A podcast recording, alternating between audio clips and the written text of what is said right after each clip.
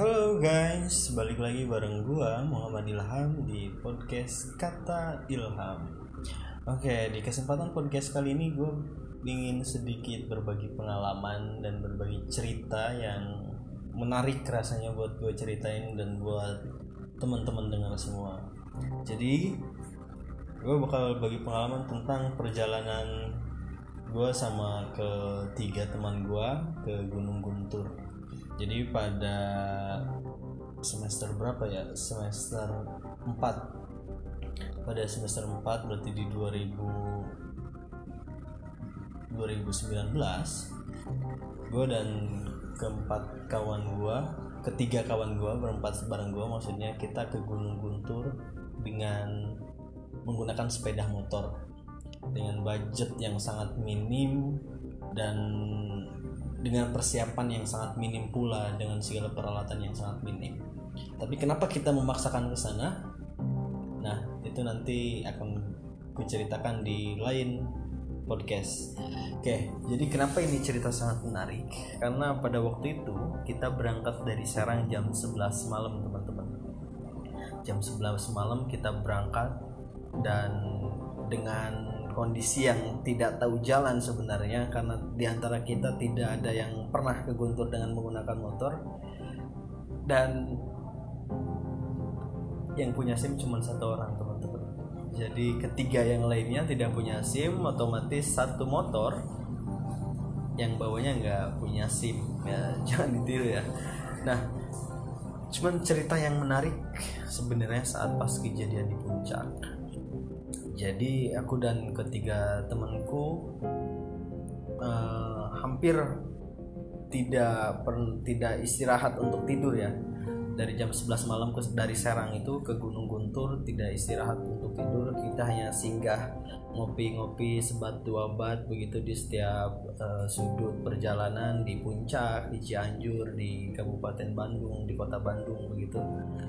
Dan hingga pada akhirnya sampai ke Gunung Guntur di jalur kita lewat Cikahuripan teman-teman. Jadi ada pengalaman yang lumayan horor sebenarnya yang gua alami pribadi. Nah pada saat itu dan ini gue belum pernah ceritakan kepada kawanku yang saat itu barengan kita ke gunung ya. Gue baru cerita di podcast ini mungkin karena pengalamannya agak lucu tapi serem juga teman-teman. Jadi setelah kita sampai pada jam 1 siang di jalur pendakian di kaki Gunung Guntur di Garut uh, kita istirahat bentar. Kedua temanku ada yang tertidur bentar. Terus aku turun ke minimarket cari jas hujan karena kita kelupaan bawa jas hujan waktu itu jas hujan ponco. Dan pada akhirnya kita naik dengan tubuh yang ekstra capek karena capek di perjalanan sebenarnya selama 13 jam kan. Uh, pantat rasanya kayak tepos gitu. Kayak nggak ada pantatnya kita tuh waktu itu. Dengan memaksakan diri dengan sisa tenaga sisa dari perjalanan kita naik ke atas. Karena untuk beli simaksi di Gunung Guntur itu ada di pos 1 teman-teman. Jadi pos 1 itu naik lagi dari parkiran. Jadi dari parkiran kita naik ke pos 1 nah kebetulan jalurnya itu sudah lebar sebenarnya. Mobil juga naik cuman berbatu dan terjal sekali.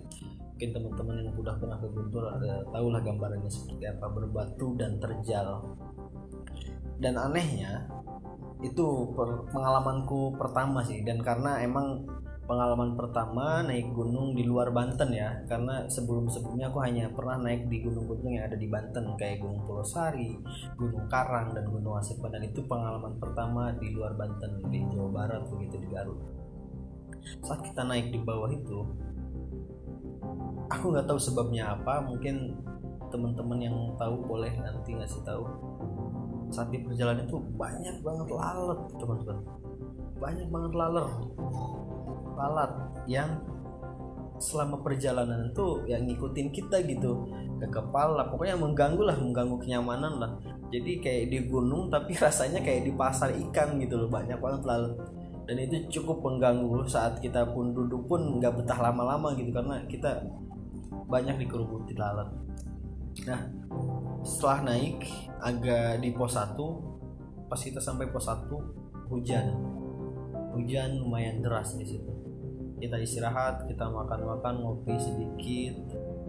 Dan setelah hujan agak reda kita paksakan untuk tetap lanjut begitu dengan mengurangi beban. Jadi waktu itu kita bawa dua tas keril dan satu tas kecil biasa. Dan kami pikir harus ada dimaksimalkan posisinya dan kita packing ulang di situ teman-teman. Di pos satu itu kita packing ulang bayar simaksi dan semua administrasi lainnya. Dan kita lanjut naik dengan menggunakan jas hujan. Jas hujan yang seadanya ya jas hujan plastik. Kalau aku sering biasa sebut jas hujan toge gitu plastik toge yang tipis dan berwarna warni gitu. Dan kita naik. Kita sebenarnya diberikan peta teman-teman. Jadi dari pihak eh, pengelola itu kita diberikan satu lembar kertas yang di mana di situ terdapat jalur yang harus kita lalui itu ke mana dan ke mana begitu. Nah tetapi bodohnya dan ah nggak ngerti lah. Kayak anehnya kita karena Gunung Guntur itu dia tidak rimbun teman-teman. Jadi di atas itu dia tidak banyak pohon yang menutupi si permukaan tanah gunung tidak. Dan karena setelah pernah kebakaran jadi seperti uh, apa ya disebutnya? Seperti sabana gitu seperti ya udah hanya tanah dan rumput-rumput kering sisa kebakaran. Jadi kita tuh bisa langsung melihat ke puncaknya gitu. Kita langsung bisa melihat ke atas. Dan dengan kondisi kami yang capek pada waktu itu sudah di pos 2 mungkin di pos 2 itu udah jam 3 jam 3 sore dengan kondisi yang capek. Kami pun berunding bagaimana kalau kita tidak usah mengikuti jalur yang tertera di petunjuk arah ini? Karena kan kita bisa langsung lurus vertikal ekstrim sebenarnya. Cuman akan memangkas waktu yang maksimal begitu akan mengefisiensikan waktu yang maksimal menurut kita pada saat itu teman-teman.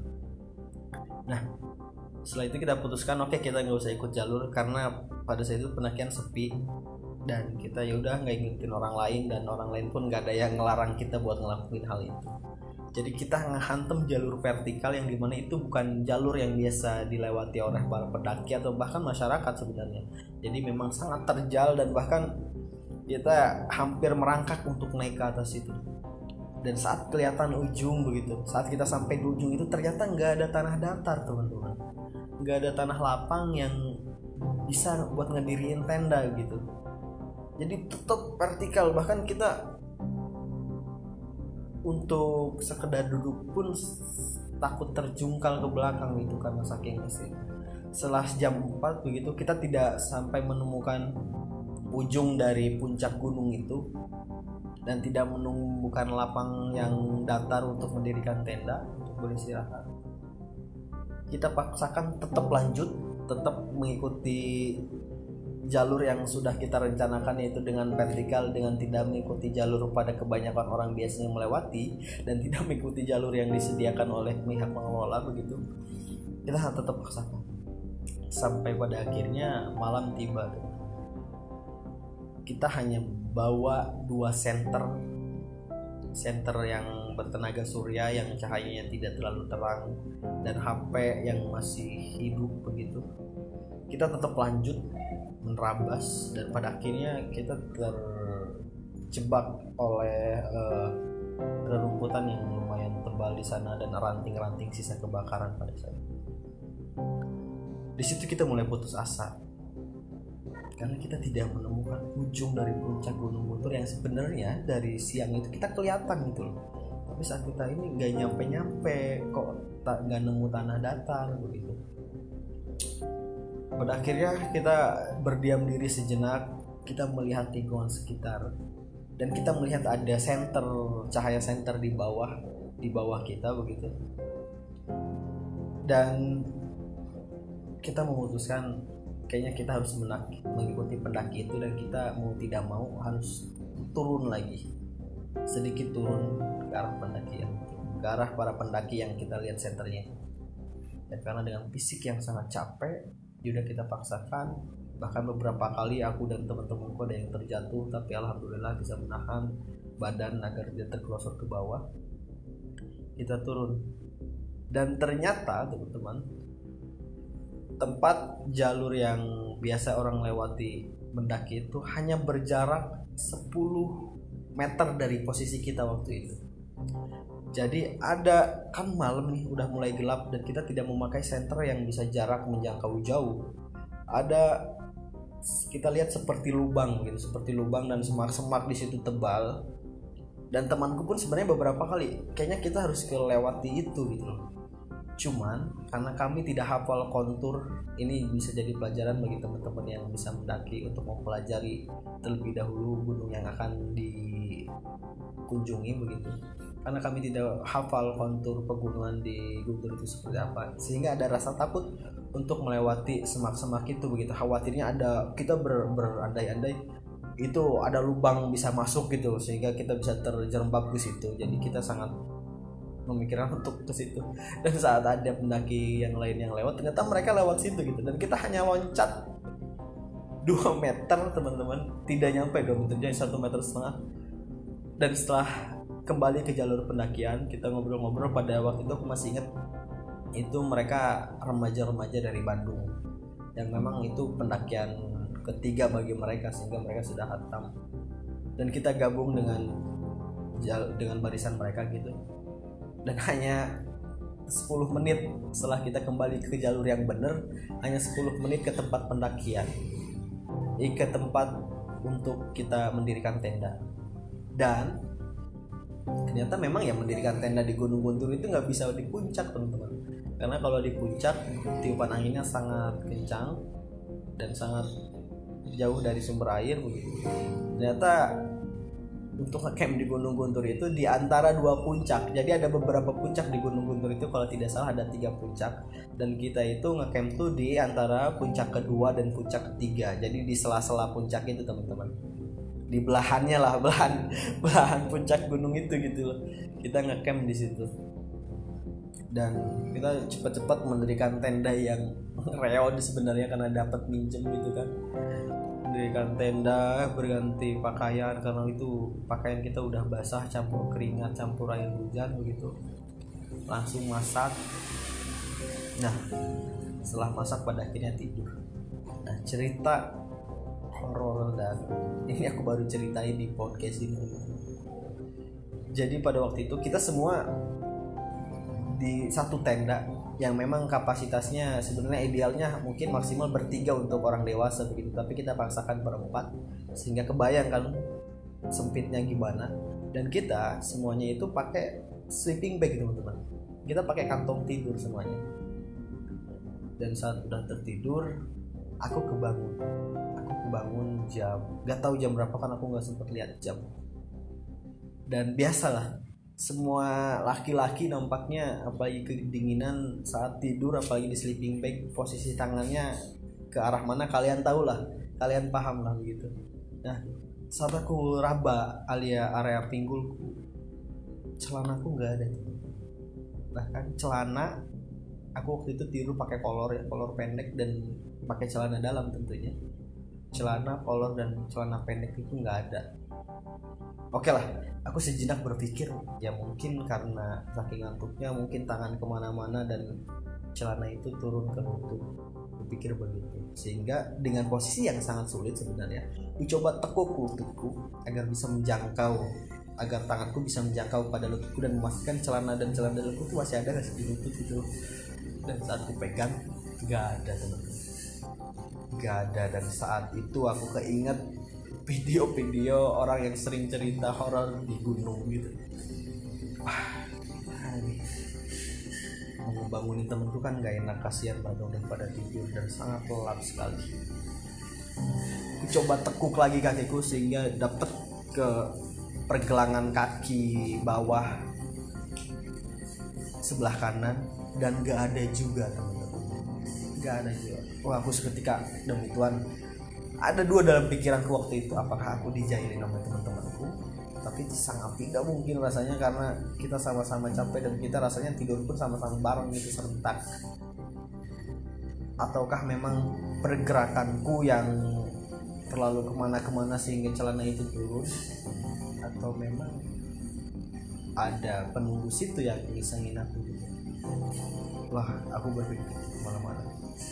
Dan pas aku angkat kaki sebelah kiriku dan pegang ternyata celanaku dan celana dalamku masih nyangkut di kaki kiriku. Teman wah sejak saat itu ku agak diem agak murung sebenarnya di aku masih bingung mikirin. Tetapi aku ingat satu pesan beberapa orang yang mendaki gunung gitu apabila uh, merasakan ataupun pernah mengalami uh, satu hal yang di luar analogi atau di luar logika jangan dulu diceritakan di gunung. Dan sebenarnya aku pun gak cerita sama temen-temenku pada waktu itu. Dan akhirnya kita turun dan kita alhamdulillah pulang. Pulang pada hari Senin yang di mana ya sempat mengalami kecelakaan temanku di Cikande. Kita nyerempet mobil dan uh, pada hari Senin itu kita langsung ujian akhir semester. Langsung uas ya dan itu masih menjadi tanda tanya besar bagi karena jujur teman-teman secara pribadi aku tidak terlalu apa ya tidak terlalu percaya akan hal-hal mistis atau gaib itu aku yakin ada cuman aku tidak percaya yang mereka sering mengganggu manusia dan sebagainya. Tetapi pada saat itu aku berpikir karena secara logika kayaknya sangat tidak mungkin aku bisa menurunkan celana sejauh itu meskipun dalam keadaan tidak sadar di posisi aku di dalam sleeping bag teman-teman. Kalian tahu lah sleeping bag ukurannya seperti apa begitu. Dan posisi tidur berempat dalam satu tenda kalau pergerakanku sampai bisa nurunin celana itu rasanya akan mengganggu tidur teman-temanku yang lain karena pasti pergerakannya akan sangat banyak sekali. Dan itu masih menjadi tanda tanya besar bagiku. Nah mungkin tadi di awal agak terpotong kenapa kita bisa mendadak ke Gunung Guntur dan apa penyebabnya? Nah itu nanti kulanjutkan di kata ilham selanjutnya. Selamat mendengarkan semoga menghibur dan semoga bermanfaat. Jangan lupa jaga kesehatan jaga keimanan dan jaga jaga apa yang bisa dijaga. Terima kasih teman-teman semua. Wastabikul khairat